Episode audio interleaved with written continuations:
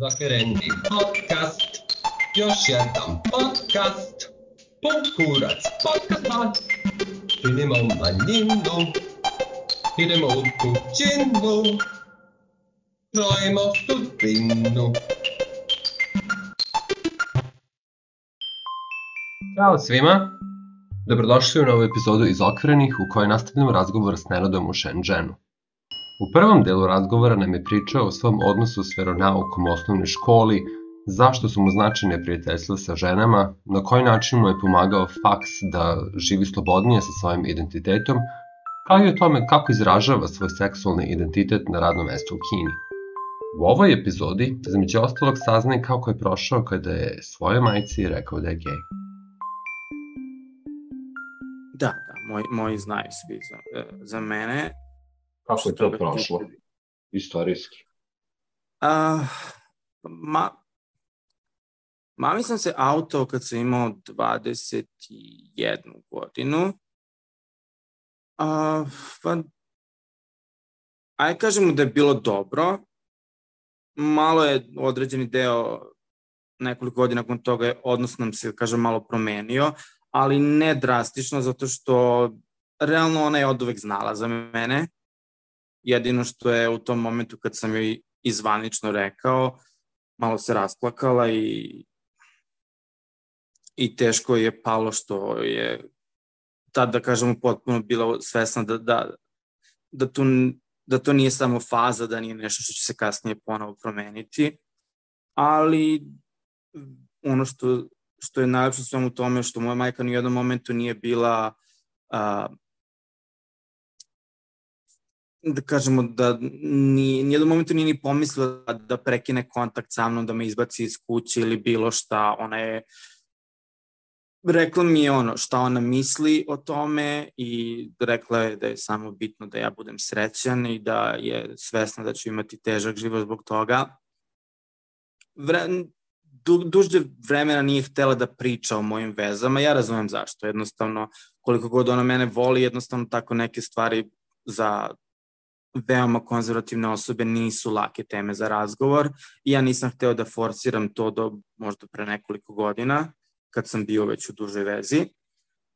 Međutim, primetio sam vremenom, pošto je ona pričala sa članima naše šire porodice o tome i određene tetke za koje recimo nikad ne bih očekivao razumevanje su bile poprilično otvorene i rekle moj mami da se ne brine, da je to sasvim normalno i da je sve okej. Okay i mislim da je i to pomoglo dosta da ona vremenom počne da prihvata moju seksualnost. I nekako ti razgovori sa, sa drugim članovima naše porodice, naše familije su dosta doprinili tome da ona postane, da kažemo, prihvatljivija vremenom i da da prihvati moju seksualnost i vremenom da počne da se interesuje i da me pita za, za, za moje partnere, kako su, šta, on, šta se dešava u njihovim životima Tako da danas mogu reći sasvim sigurno da, da moja mama mene u potpunosti podržava i mislim da, da čak je bila i spremna da, da upozna sada već mog bivšeg dečka, pošto smo planirali da se venčamo. Um, tako što se nje tiče, tu stvarno imam punu podršku. Što tiče brata, iako mi je rekao da potpunosti je ok sa mojom seksualnom orientacijom, često se ispostavljalo da nije, uh, njegova supruga pogotovo. Imao sam jedan moment kad je saznala za mene, praktično je htela da se razvede od mog brata zato što je to nije rekao, a potom je otišla na razgovor sa psihijatrom i sa popom iz nekog nekog razloga da bude sigurna da njena deca neće biti gej zbog mene. Ili je to pomoglo? Da. Pa izgleda da jeste, trenutno imaju dvoje dece, tako da mislim da je nekako uspela da prevaziće to. Kako je tvoja mama reagovala kada si rekao da odlaziš?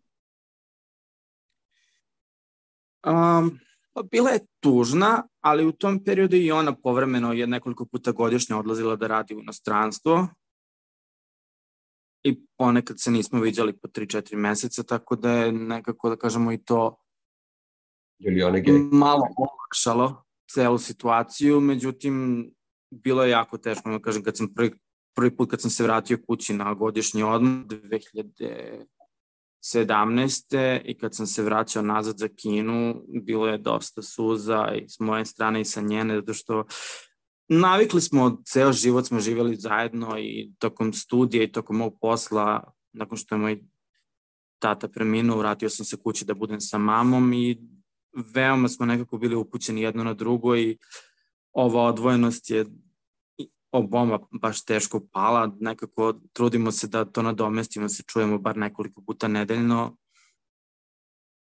Sad je to manje više ok, ali teško, teško je biti odvojen. A, da li pratiš javni i politički život u Srbiji? Um, u zadnjih, da kažemo, dve godine sam počeo malo više da pratim. Bio sam kući malo duže na, za vreme početka pandemije 2020, neki 7 meseci sam proveo u Srbiji, pa nekako kad sam se vratio nazad u kinu sam počeo češće da proveravam vesti i sve to. Ranije sam imao period kad sam, tek kad sam prvi put otišao, uh, nisam baš pratio, zato što svaki put kad pročitam nešto sam se uvek se iznerviram zbog količine gluposti koje pročitam u domaćim medijima i onda sam odlučio da zbog svog nekog unutrašnjeg mira da mi to više nije potrebno, da mi je samo najbitnije da znam da su moji ok ako je nešto veoma, veoma važno, oni će mi to reći. Nisam hteo da, da, čit, da provodim, gubim vreme čitajući stvari koje prosto ti mi sam znaš kakva je situacija kod nas. Prošle godine sam dosta čitao naše vesti uglavnom zbog toga što sam planirao da se venčam sa mojim bivšim i prošle godine je bila aktuelna mogućnost da se uvede zakon o civilnom partnerstvu u Srbiji, koji je naravno propao zato što je naš bajni predsednik odlučio da iz nekog neobjašljivog razloga taj zakon krši naš ustav, iako je to notorna glupost, ali eto. On, trudim se da, da filtriram količinu vesti i izvore vesti koje čitam iz Srbije, zato što većina medija u Srbiji je postala onako jedno tabloidno dno koje ne, ne postoji više nikakav kredibilitet, ne postoji nikakvo istraživačko novinarstvo, postoji samo gomila nepismenih ljudi koja si je pronašla, da kažemo, neku profesiju i koja bez ikakve grižnje savesti širi mržnju, netrpeljivost, la, šire laži, da ja stvarno nemam reči ponekad. A da li pratiš dešavanje na srpskoj queer sceni? Pa ne baš. Imam možda neke Facebook grupe koje povremeno bacim pogled na neke vesti. Ne više nisam hteo da budem deo, nego jednostavno nisam vremena. Kad sam diplomirao i kad sam počeo da radim, nije bilo puno vremena za neki društveni život i onda sam nekako sve to ne kažem stavio po strani, ali jednostavno prioriteti su se malo promenili, pa sam Evo, eventualno sam ponekad sam još bio u Srbiji, otišao možda kad je bio Merlinka filmski festival, otišao da pogledam koju projekciju ili ponekad odem neku žurku sa društvom, ali van toga nisam, nisam nešto posebno puno pratio. Akvir aktivizam? to je polna tema, zato što više ne prepoznajem nikakvi aktivizam u Srbiji trenutno. Gomila nekih, da kažemo, aktivista se među vremenu prodala politici i počela da da radi neke stvari za lič, zarad ličnih interesa koji nemaju veze sa aktivizmom. Malo je reći da me gomila ljudi koji sam ranije poznavao i cenio dosta razočarala sa svojim postupcima. U na jednom momentu sam bio aktivan u celom pokretu, međutim, vrlo brzo sam uvideo da, da je tu samo bitno da se ljudi ne sve, ne, ne želim da, da generalizujem, ne kažem da su svi loši, ali dosta ljudi je bilo u aktivizmu izuzetno zato što je bio u određenom momentu i dobar izvor prihoda za ljude koji realno van toga nisu imali neke posebne sposobnosti ili skillove u životu da uspeju. U jednom momentu sam pokušao da sprovedem neki projekat sa organizacijama iz Norveške da bi bio vrlo brzo izbačen iz cele te organizacije kao da nikad nisam ni uspostavio početne kontakte sa ljudima iz Norveške i tako da sam odlučio da ne želim da, da postanem suviše ozlojeđen svim tim i nekako sam se izvukao iz cijela te situacije odlučio da, da nastavim dalje sa svojim životom, a da ostavim celu tu priču ljudima koji će da se tuku oko para. Koliko je izražen tvoj srpski identitet u inostranstvu? U početku nije bio toliko, možda u poslednjih nekoliko godina. Nikad nisam se toliko smatrao nekim Srbinom, ili pogotovo što mislim si, meni sam pojam nacije toliko nebitan. Više bih ljudima hteo da kažem da dolazim iz dobro, reći danas nekome da si Jugosloven, svi te gledaju kao da si idiot, ali generalno meni je cijela ta naša priča oko ko je Srbin, ko je Hrvat, ko je ovo, ko je ono, toliko nebitna za moje poimanje sveta, ne, ne igra nikakvu ulogu kažemo, moj identitet Srbina, nikad nije bio samo, da kažemo, identitet Srbina. Reći da sam ja samo Srbin, da imam samo identitet kao građanin Republike Srbije mi je nekako, mogu da kažem smešan, ali nije iskren, nije nije tačan, ne odražava moje pravo neko stanje svesti, neko, neki moj identitet koji je mnogo više nego samo Srbin. Pomenuo se tu identifikaciju sa Jugoslavijom. Uh, da li postoje nešto jugoslovensko u tebi što misliš da je izraženo u inostranstvu? Kad god vidim nekoga ko je iz neke od naših bivših republika, naravno da mi je mnogo bliži po mentalitetu i svemu nego neko iz Afrike ili Južne Amerike ili Australije, Severne Amerike, nebitno, prosto... Mm, Kako reaguješ ne, kad naletiš na te ljude sa našeg podneblja?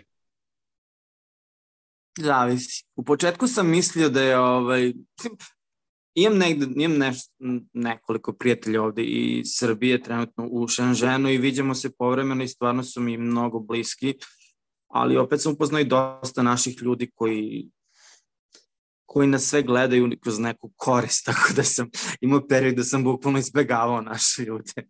No da nije, nije uopšte, mislim, nisam neko ko, ko izbegava zbog, ono, zbog nečije nacionalnosti ili šta ti ja znam, ali imao sam stvarno dosta iskustava sa ljudima sa Balkana, iz Rusije, Ukrajine, gde su se ljudi zaista pokazali u nekom lošem svetlu i onda čak i ako ne želiš da, imaš taj negativni bajas prema nekome, jednostavno se desi i prosto si u fazonu želiš da imaš što manje kontakta. Mada generalno ja svakom dam priliku da se dokaže da je čovek, tako da nisam isključio potom pitanje, aha, ti si odavde, ono, želim da, da znam za tebe, ne, nije, nego jednostavno mogu reći da imam više neki oprez pri upoznavanju novih ljudi ako znam da su sa naših prostora, zato što i čak dosta iskustava mojih prijatelja koji su ovde već dugi niz godina, imali su jako loše iskustva kad su radili sa našim ljudima. Ne želiš da, da tako neka iskustva postanu, a, da kažeš, da imaš neku prekoncepciju kakvi su ljudi odavde ili odande, ali jednostavno nakon određenog vremena sve to postane deo nekog tvog šablona kako se odnosiš prema drugim ljudima. Pa generalno ja i nemam toliko veliki kontakt sa strancima ovde. Imam nešto prijatelja koji nisu kinezi, ne vidimo se često. Mislim da sam čak možda izuzetak, pošto većina stranaca u Kini se uglavnom druži sa drugim strancima, to sam primetio. A s druge strane, recimo, A, ja sam ovde već pet i po godina. Stvar zbog koje ću najviše žaliti je što još uvek nisam naučio jezik. Jednostavno, nisam, nisam se dovoljno trudio, bio sam lenj, verovatno, i iako dosta znam karaktera i reči, nikako nisam uspio da progovorim jezik kako treba. Međutim, mogu reći da koliko toliko zaista uživam u, u kulturi ove zemlje i u ljudima. S druge strane, imaš strance koji su savršeno učili jezik i nakon deset godina i dalje žive u nekom, da kažem, izolovanom balonu gde su samo druže sa drugim strancima, nemaju neki veliki kontakt sa, sa kinezima, što je za mene mnogo gore nego ne znati jezik. Jer mi je prva stvar bila kad sam došao ovde, mislim si, ako ću već da živim ovde, valjda je poenta da upoznam lokalno stanovništvo, da, da naučim nešto od njih, a ne da se družim sa ljudima koje mogu da upoznam bilo gde drugde. Da se ponovo vratim na te naše ljude na koje naletiš tamo. Da li se i njima autuješ na prvu loptu ili moraš uvek da razmišljaš kao, da ih proceniš prvo? Pa šta znam, nešto posebno više i ne razmišljam o tome. Uglavnom se jako brzo autujem zato što mi apsolutno nije stalo do toga da gubim vreme sa nekim kome neće prihvatiti, tako da mi je najlakše da u startu raščistimo, da kažemo sve i onda vidim ako je neko ok osoba, ako mu ne smeta moja seksualnost, onda možemo da budemo prijatelji. Nisam više zainteresovan da gubim puno, puno vremena da bih na kraju otkrio da je neko teški homofob.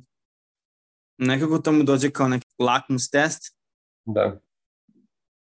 gde u startu možeš da vidiš jednostavno kakva je neka osoba na osnovu njegove reakcije na tvoju seksualnost i onda ti se dosta truda i vremena na taj način, da bih rekao.